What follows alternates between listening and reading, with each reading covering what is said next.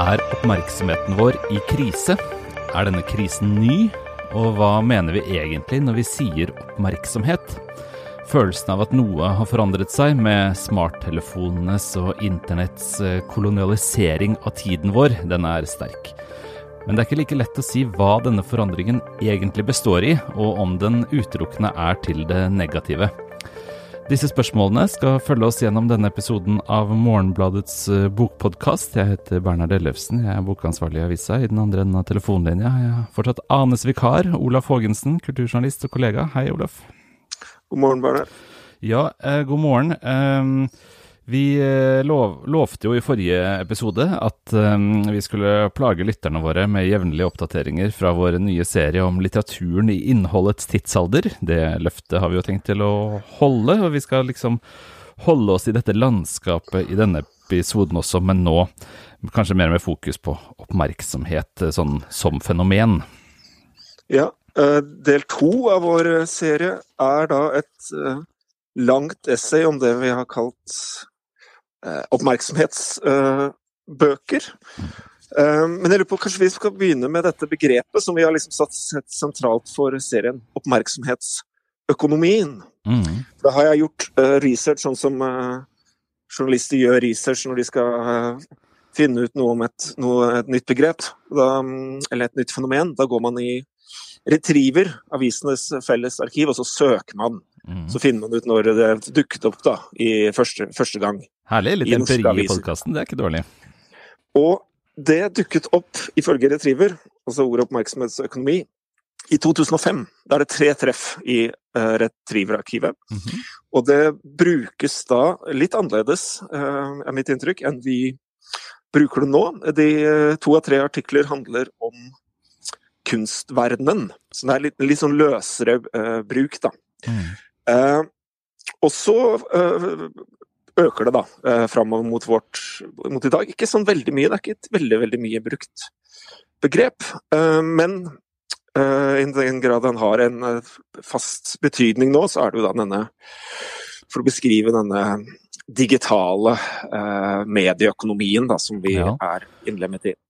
Og, men eh, her er vel et stort viktig poeng i ukas del i denne serien, er jo da at Fenomenet er jo betydelig eldre enn begrepet. Det er jo bare brukt nå de senere årene, men det er eh, all grunn til å lete etter dette fenomenet lenger bakover historien, er det ikke det? Jo, sånn som det alltid er. Eh, man blir jo litt sånn Oslo-losen, da. På alle, alle, filosofiske begreper og sånn. Nei, det var ikke de ungkalva der, det var de før det igjen.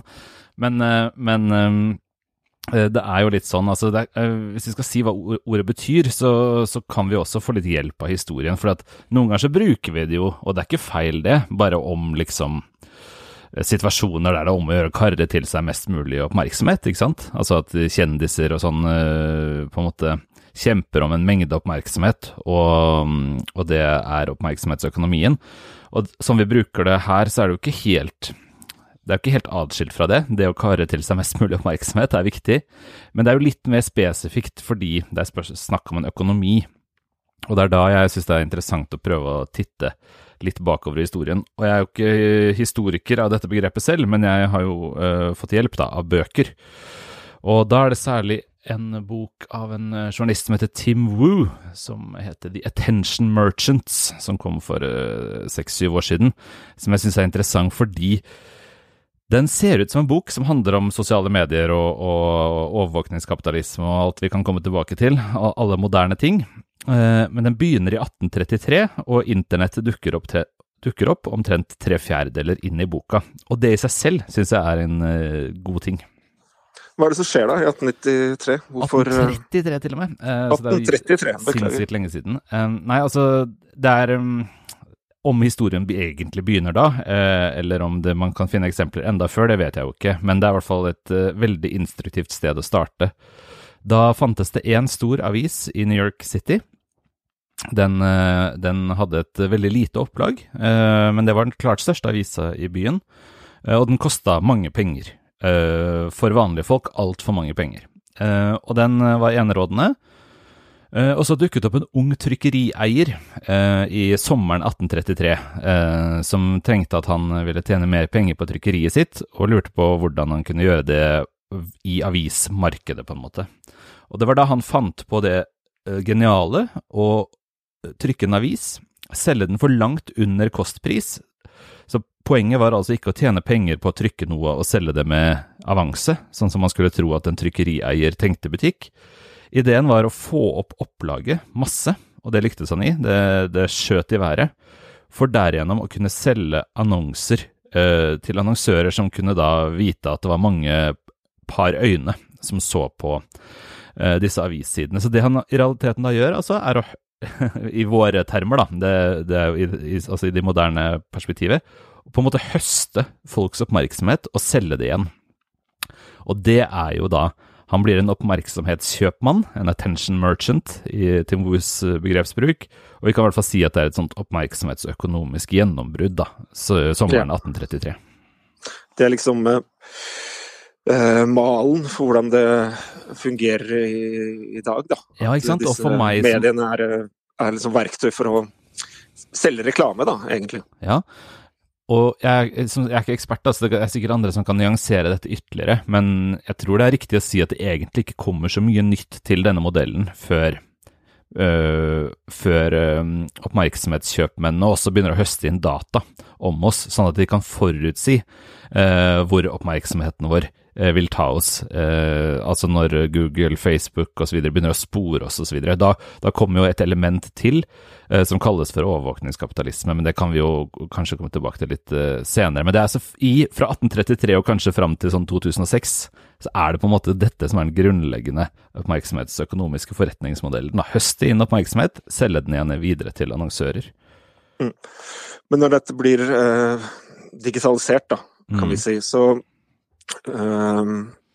så får vi kanskje øynene opp for det en, på en ny måte òg. I hvert fall veldig mange av disse Eh, bøkene du skriver om nå, de kan vel nesten si er en slags sjanger. Vi har kalt de oppmerksomhetsbøker. Ligger mm. et eller annet sted i grenselandet mellom å være populærvitenskap og kanskje selvhjelpsbøker.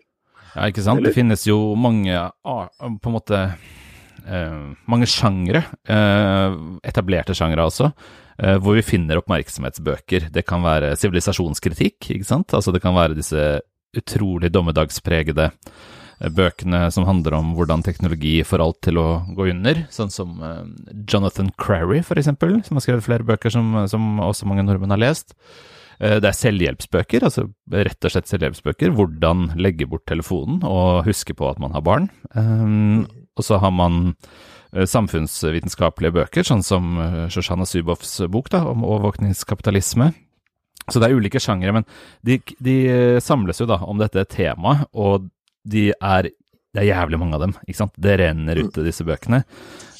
Så det sier selvfølgelig noe om vår tid, så å si. Og jeg syns det er interessant å lese dem også som et slags symptom da, på hvordan vi forstår det som skjer rundt oss. Altså, her, her, i denne ukas avis har jeg lest fem bøker, jeg kunne lest fem til, eller fem andre sikkert. Men ideen min er jo å prøve å forstå våre ulike tilnærminger til denne følelsen av at oppmerksomheten vår er i krise eller under press eller mm. Mm.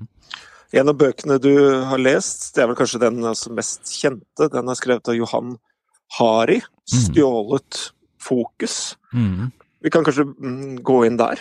Hvem er denne Johan Harild? Ja, han er jo en, eh, en journalist som har skrevet flere bestselgende bøker om litt sånn tilstøtende emner, avhengighet eh, osv. Og, og han har jo fått veldig sterkt gjennomslag, særlig i Norge kanskje, altså i hele verden, men de siste månedene i Norge med stjålet fokus, Stolen Focus, kom for et par år siden vel, på, på engelsk.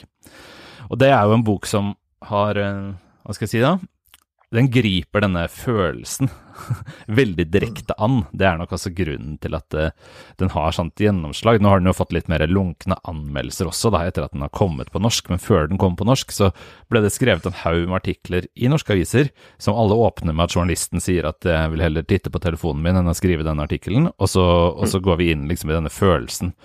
Um, så er, er det interessant, liksom, han treffer i mitt perspektiv, da, som kanskje er egentlig litt mer interessert i hva disse bøkene sier om fenomenet, sånn indirekte, enn om de er gode eller dårlige i og for seg, så mm. er det sånn denne boka her er det perfekte symptom på eh, den følelsen som mange har. Det er derfor denne boka slår så eh, godt an, eh, mm. fordi han han er rett og slett en mester på liksom å ta bekymringen vår, eh, og mm. liksom eh, speile den og, og, vise den tilbake til oss, osv. Og denne følelsen, da, det er følelsen av hele tiden være distrahert, hele tiden eh, se på telefonen sin eller få liksom meldinger inn, ikke kunne konsentrere seg mm. om noe. Um, har han noen løsninger, da?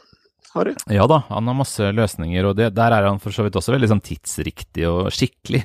Fordi at han har mm. noen sånne forslag til hva man selv kan gjøre, og de er ganske komiske. Blant annet å kjøpe en sånn boks som jeg tror egentlig må være en kakeboks, eh, ment å være en kakeboks, eh, men som har en timer på, på lokket, sånn at du ikke kan åpne den på tre timer eller et tidsrom eller et eller annet sånt, jeg, jeg husker ikke helt, men i hvert fall så er det en timer. Eh, og da kan man liksom nekte seg selv telefonen da, ved hjelp av denne kakeboksen. Men ho hovedsakelig så snakker han jo om at dette er et politisk og strukturelt og ideologisk problem, og sånn sett så er han på en måte det er, For det er det jo, ikke sant. Vi står overfor veldig mektige økonomiske aktører, så det er vel, Hari har liksom det på det rene stort sett, uh, må man mm. si. Og, og det peker jo liksom inn i det andre forfattere av oppmerksomhetsbøker også stort sett uh, skriver om. Alle sier at det er noen ting vi kan gjøre selv for å på en måte skjerme oss fra det aller største trykket. Uh, alle skriver jo om hvordan disse oppmerksomhetsøkonomiske aktørene, gjerne sosiale medieselskaper osv., bruker eh, avansert psykologi sant, for å få oss hekta. Mm. Så det er noen ting vi kan gjøre, men, men, vi kan liksom ikke vinne denne krigen uten noen politiske virkemidler. Det er liksom alle enige om. Selv de mest selvhjelpsaktige vil være med på det. Innledningsvis, eller tidlig i artiklene, så skriver du at vi misliker det distraherte livet av estetiske grunner. Det er, mm. ganske, det er et poeng du tar tak i innledningsvis. Hva er det du mener med det? Nei, altså det, det interesserer meg jo på en måte hvorfor eh, disse distraksjonene eh, skaper så sterk bekymring. Eh, og da kan jeg jo med en gang si at det skaper sterk bekymring også i meg. Eh, ikke sant? Sånn at jeg lurer på hvorfor dette er så fortvilende for meg, og åpenbart for mange andre. Mm. Og så tror jeg det er noen gode grunner til at det er fortvilende. For eksempel så tenker jeg jo at det er mer interessant å lese en bok enn å trykke på telefonen sin, eller eh, å være til stede med barna sine enn å gjøre et eller annet digitalt. Eh, men så tror jeg jo også det er noen andre mekanismer i spill, da. Og de kan man liksom avlese også i oppmerksomhetslitteraturen. Uten at jeg skal henge ut eh, forfattere for mye, så er det i hvert fall en av bøkene her, eh, skrevet av en um, ung lege som heter Andreas Nydahl, 'Kakofonen', som jeg vel mener at man kan se i at, at det er jo ikke bare eller hva skal jeg si, den moralske forargelsen, det at vi liksom syns dette er ikke veien til det gode liv, og ikke liksom oppskriften på gode handlinger, for oss å følge at vi syns det er litt sånn usmakelig, det er litt harry, det er litt lavt å sitte og trykke på telefonen hele tida. Og den forvirringen, eller den, altså der vi blander sammen moral og estetikk på den måten, altså, det estetiske er da at vi syns det er harry, eh, det moralske er at vi syns det er en dårlig oppskrift på et godt liv, eller gode handlinger, det, den sammenblandingen er jo alltid risikabel, og den interesserer det meg å gå, gå mer inn i. For jeg, jeg, tror jo de estetiske grunnene til at vi fortviler, er mye dårligere grunner enn de moralske. Ja, ja det er interessant det der hvordan det å si, eh, ikke være for avhengig av eh, telefonen mm. sin, eller eh, ikke se for mye på Netflix, også har blitt en sånn klass, klassemarkør. Ja, ikke sant. Man signaliserer jo på en måte kulturell kapital, gjør man ikke det da? Ved å, ved å liksom avstå fra ja. skjermer på ulike måter. Og hvis du skal først hengi dette skjermen, så bør det helst være til Mubi eller Cinemateket. Ja, ikke sant. Men et annet poeng som du løfter fram via disse uh, bøkene, som også er interessant, eller som jeg vel egentlig ikke hadde tenkt på i det hele tatt, er jo måtte, distraksjonens historie. Vi er jo ikke de første som er distraherte. Man var distraherte før man fikk mobilt smarttelefoner også. Ja, ja. Nei, altså Det er jo det som er interessant. da. Hva er oppmerksomhet? ikke sant? De fleste som skal si noe om hva oppmerksomhet er, de går til den uh, amerikanske psykologen, tenkeren uh, William James, som har skrevet om, om oppmerksomhet eh, tidlig. Og han definerer det sånn som vi definerer det. Altså at vi, vi griper noe ut av mye og fokuserer på det. Vi løfter det frem med bevisstheten og, og skyver vekk andre ting. Og oppmerksomhetens motsetning hos James, det er distraksjonen. Noe han for øvrig er litt komisk og talende. Uh, mener det er et fransk ord, så han kaller det for distraction, for det er jo noen, alltid noen andre som er distrahert. Um, og det er jo Hva er en distraksjon, ikke sant? Det er når vi um, faller i staver, når vi ramler ut av noe. Um, når vi ikke klarer å fokusere. Og, tankene vandrer. Ikke sant? Eller at det kommer andre ting til og forstyrrer tankene våre. Og Det er jo der liksom push-varslene og de liksom telefonens helvete er mm.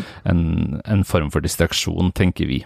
Men hvorfor er det så ille med distraksjoner? Det, det er jo egentlig et spørsmål vi ikke stiller oss øh, nok, tenker jeg, og, og grundig nok. Hvorfor er det så jævlig fælt å bli distrahert?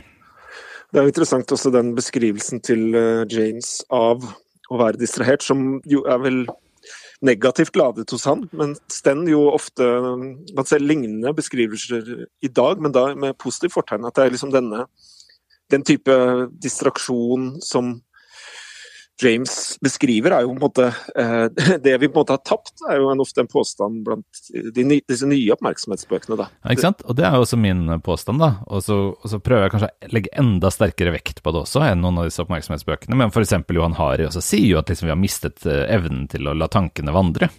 Ikke sant? Mm. La, og, og, sitte sånn og, og drømme og gruble. Jeg, jeg leste enda en gang, om igjen, Liv Køltzows dagbøker for ikke så lenge siden.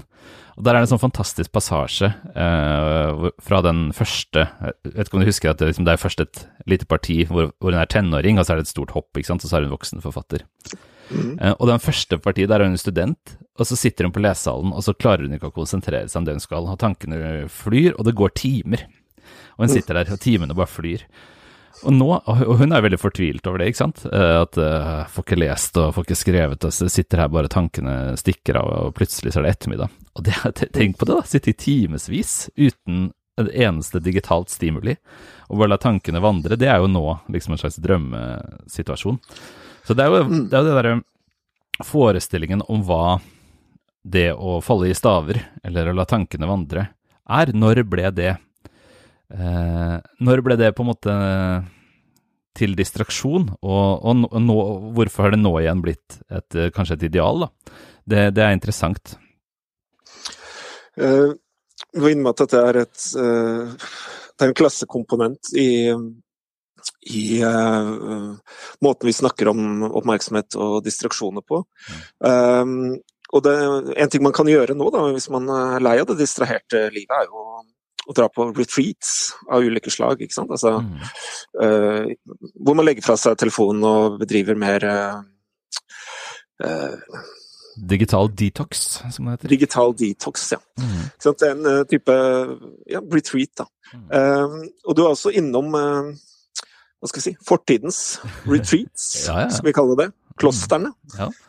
Nei, Det syns jeg er superinteressant, og det er det vel den boka her jeg syns er klart kulest. da. Det skal jo også sies at det er den eneste av de bøkene jeg har skrevet om her, eh, i hvert fall av de liksom eksplisitt omtalte bøkene, eh, som jeg faktisk liker. Eh, men den liker jeg til gjengjeld veldig, veldig godt. Den er skrevet av en historiker som heter Jamie Criner. Og den kom nå um, i, på senvinteren. Den heter The Wandering Mind. Og den den handler om eh, munker i senantikken og middelalderen, og deres forhold til distraksjoner. Men, men det finnes bøker som handler om, om hvordan klosteret er et sånt eh, ideal for oss. Vi burde lære oss den typen konsentrasjon. Det er, det ikke, det er ikke det det handler om her. Det handler om det motsatte. Um, det handler om hvordan munkene var noen utrolig distraherte jævler, eh, som slet eh, som gærninger for å klare å konsentrere seg, og som gjorde det av en spesiell grunn. Og det er jo begge disse to tingene som interesserer meg. For meg er det liksom to momenter som vi kan bryte opp i ulike deler og lære mye av. Det første er altså at munkene jobbet for sin oppmerksomhet, ikke sant? Eh, klosteret er et helt system de laget seg for å klare å konsentrere seg. Og det systemet er utrolig omfattende. Det handler om sosialt samvær, det handler om rom og stillhet, det handler om disiplin. Det handler om eh, liksom å avstå, men også å være aktiv. Det handler om å være sammen, men hvordan man er sammen, og så videre. Da. Så det er liksom både personlig privat, men også strukturelt og sosialt, hvordan man skal lage seg et rom for oppmerksomhet, og det er viktig. Det andre er Og den oppmerksomheten skal jo da rettes mot Gud, da. Ja, ikke sant? Det er det, hele poenget med klostersystemet, at man skal konsentrere seg om Gud, så å si. Ja. Og hvorfor, ikke sant? Da, da blir det ganske viktig da, å kunne konsentrere seg, for hvis du ikke gjør det, så havner du i helvete, da. Uh, så man har liksom en helt ypperlig motivasjon for å, for å legge seg i selen. Men det forklarer jo også det andre momentet som jeg syns er utrolig interessant i denne boka her, og det er at den liksom påpeker at vi fortviler over distraksjoner fordi de gjorde det. Og vi lever jo i en uh, kristen kultur, uh, en kultur som, uh, som, har arvet veldig mye dyp tenkning fra, fra, den samme kulturen som disse munkene tilhørte. Og det at det på en måte er syndig å være distrahert, ikke sant? Det at det er ukristelig, da. Det, det, finner man jo veldig igjen fremover, og særlig når vi kommer til kapitalismens tidsalder, da, hvor det å være distrahert jo er å være ikke-produktiv. Eh, og det vet vi jo at protestantisme og, og arbeidsetikk henger, henger, godt sammen. De, de fulgte hverandre som, som, venner gjennom industrialiseringen. Og det kan man liksom spore til nå, mener jeg da. Hvorfor, hvorfor skal vi ikke være distraherte? Hvorfor er det så viktig? Hvorfor feller vi så harde moralske dommer over distraksjonene? Um, det, det, noe av det, i hvert fall, kan uh, jo liksom rimelighet spores tilbake til, til, denne tiden. Men det blir jo Altså, all den tid vi ikke mener at oppmerksomheten vår er et spørsmål om synd eller fortapelse, så er jo det på en måte en arv eh, som vi har overtatt i form, men ikke i substans. Og kanskje noe vi kan stille oss litt, uh, om ikke kritisk, så i hvert fall grublende til, da. Det er vel Hari som Uh, hvor, I Harrys bok hvor dette poenget blir veldig tydelig for en av de uh, tingene han trekker fram som det man måtte ikke, ikke få gjort uh, når man er distrahert, er å starte en bedrift. ja, det er jo ikke noe Det er litt komisk, da. Det er jævlig komisk, da. Og det er litt forferdelig. Men det er jo klart det er jo avhengig av hvor sympatisk man leser Harry, for det skal sies i rettferdighetens navn. Han har lange kapitler om betydningen av tankeflukt og kreativitet, og, og det, er, det, er, liksom i, i på utsagnsnivå så er det absolutt en bok som er kritisk til kapitalisme og produktivitetsjag osv. Men så er spørsmålet, da. Er man med han, eller, eller, står man litt på siden og tenker at han, uh, han, spiller en rolle der? Og når han da sier at en av de tingene man uh, ikke får gjort når man er distrahert, er å starte en bedrift, så tenker jeg vel kanskje at han uh, tross alt, da, har Og han, når han har fokus i tittelen, det er det det handler om, ikke sant? Det er evnen til å gjøre ting konsentrert han er mest interessert i, så tror jeg han liksom avslører seg når han sier at dette er, eh, det er veldig viktig å, å, kunne legge bort telefonen, sånn at du får liksom skjøttet din startup. Da, da, da mister han meg, i hvert fall. Viktige aktører i denne oppmerksomhetsøkonomien er det man ofte bare kaller big tech, da, som er altså mm. disse store selskapene, Facebook, Meta heter det vel nå, mm. Google, alle disse som drifter den store digitale infrastrukturen som så mange av oss lever så mye av eh, livene våre inni. Mm. Og så big, big, tech er jo et viktig emne i alle disse bøkene, da. Mer og mindre direkte, er det ikke det? Jo, jo, definitivt. Så som sagt, da, så, så er, skriver man ikke en bok eh, om oppmerksomhet uten å ha med psykologen eh, BF Skinner og hans eh, eksperimenter med hvordan man får dyr til å reagere på belønning, og hvordan disse big tech, særlig de sosiale medieselskapene, da, um, har lært av Skinner og forsyner oss med med belønninger eh, på samme måten. Og det er jo liksom en sånn eh, grunnleggende ting for hvordan vi er avhengige.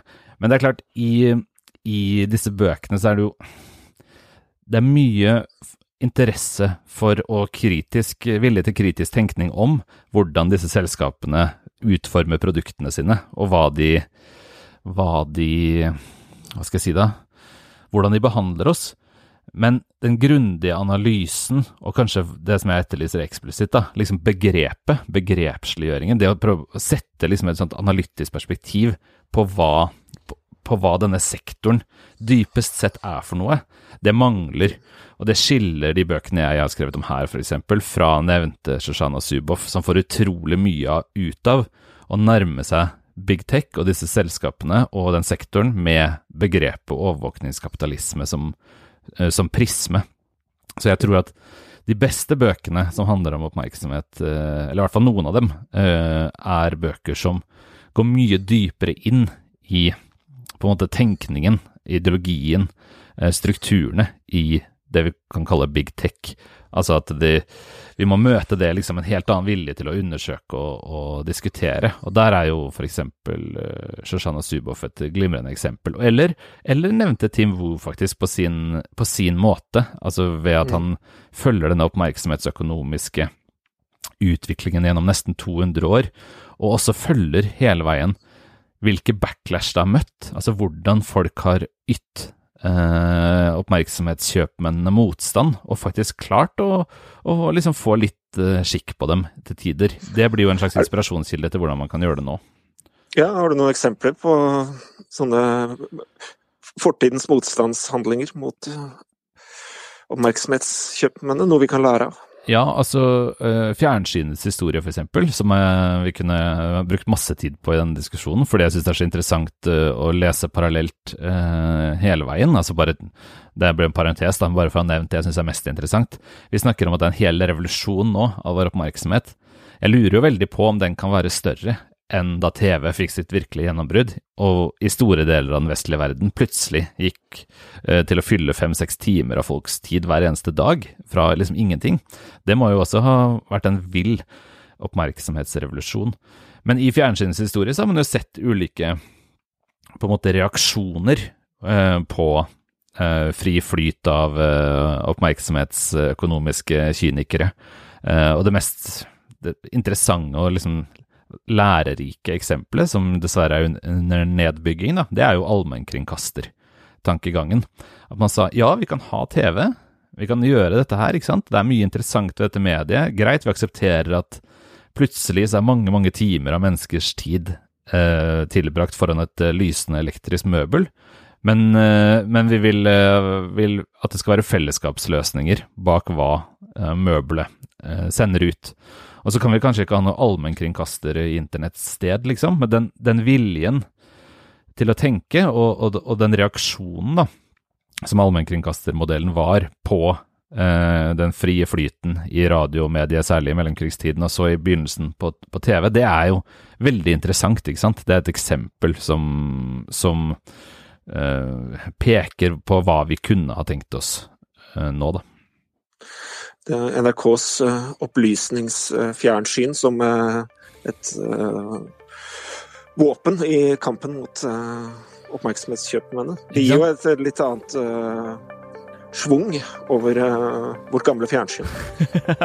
ja, og hva het de der fem minuttene med sånn uh, brannvern og enøk? Uh, at det liksom er våpen nummer én i kampen mot meta. Det er jo en, en herlig idealistisk tanke.